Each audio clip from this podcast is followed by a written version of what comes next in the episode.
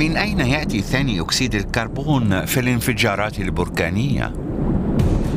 ظلت البراكين لمليارات السنين من بين أكبر مصادر الغازات الدفينة مثل ثاني أكسيد الكربون ومن المحتمل أن تكون هذه الانبعاثات منعت الأرض من التحول بشكل دائم إلى كوكب جليدي حيث يأتي ثاني أكسيد الكربون من داخل أرضنا التي على شكل صدفة. وفي الوسط يوجد قلب صلب بطبقة خارجية سائلة. وفوق ذلك يوجد وشاح الأرض حيث ترتفع الصخور الساخنة وتبرد وتهبط مرة أخرى.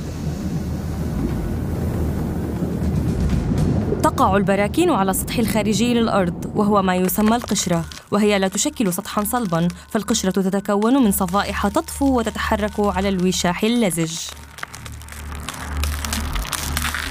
عندما تلتقي صفيحة محيطية بلوحة قارية تغرق الصخور الرسوبية الغنية بالكربون في قاع المحيط وترتفع درجة حرارتها.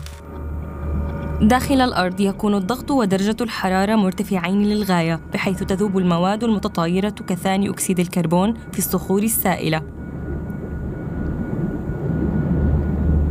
مع الصهارة الحارة يصل ثاني أكسيد الكربون إلى البراكين وعندما يرتفع من خلال الفتحة ينخفض الضغط ويتم إطلاق الغازات المحتبسة في الصخر المنصهر هذا. وينطلق في الغلاف الجوي. بالإضافة إلى بخار الماء وثاني أكسيد الكربون تنبعث من الجبال النافذة للحريق غازات أخرى كثاني أكسيد الكبريت وحمض الهيدروكلوريك والميثان. تعتمد كمية ومزيج الغازات على العناصر الكيميائية والمعادن التي تتكون منها الصهارة.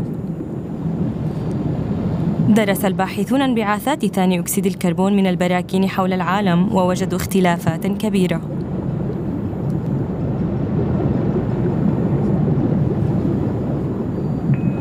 لا يعتمد مقدار ثاني أكسيد الكربون الذي يلقي به البركان في الهواء على حجم الصهارة المقذوفة فقط. بل توجد طبقات من الصخور تحت الأرض حيث يكون الوشاح غنياً للغاية بالكربون.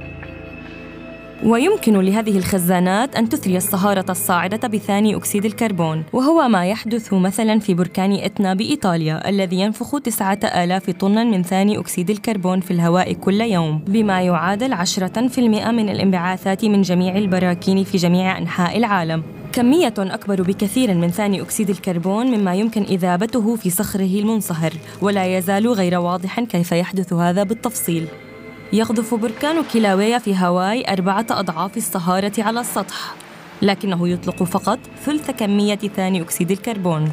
يمكن القول إنه لا يحتوي على خزان أرضي غني بالكربون مثل بركان جبل إتنا في إيطاليا.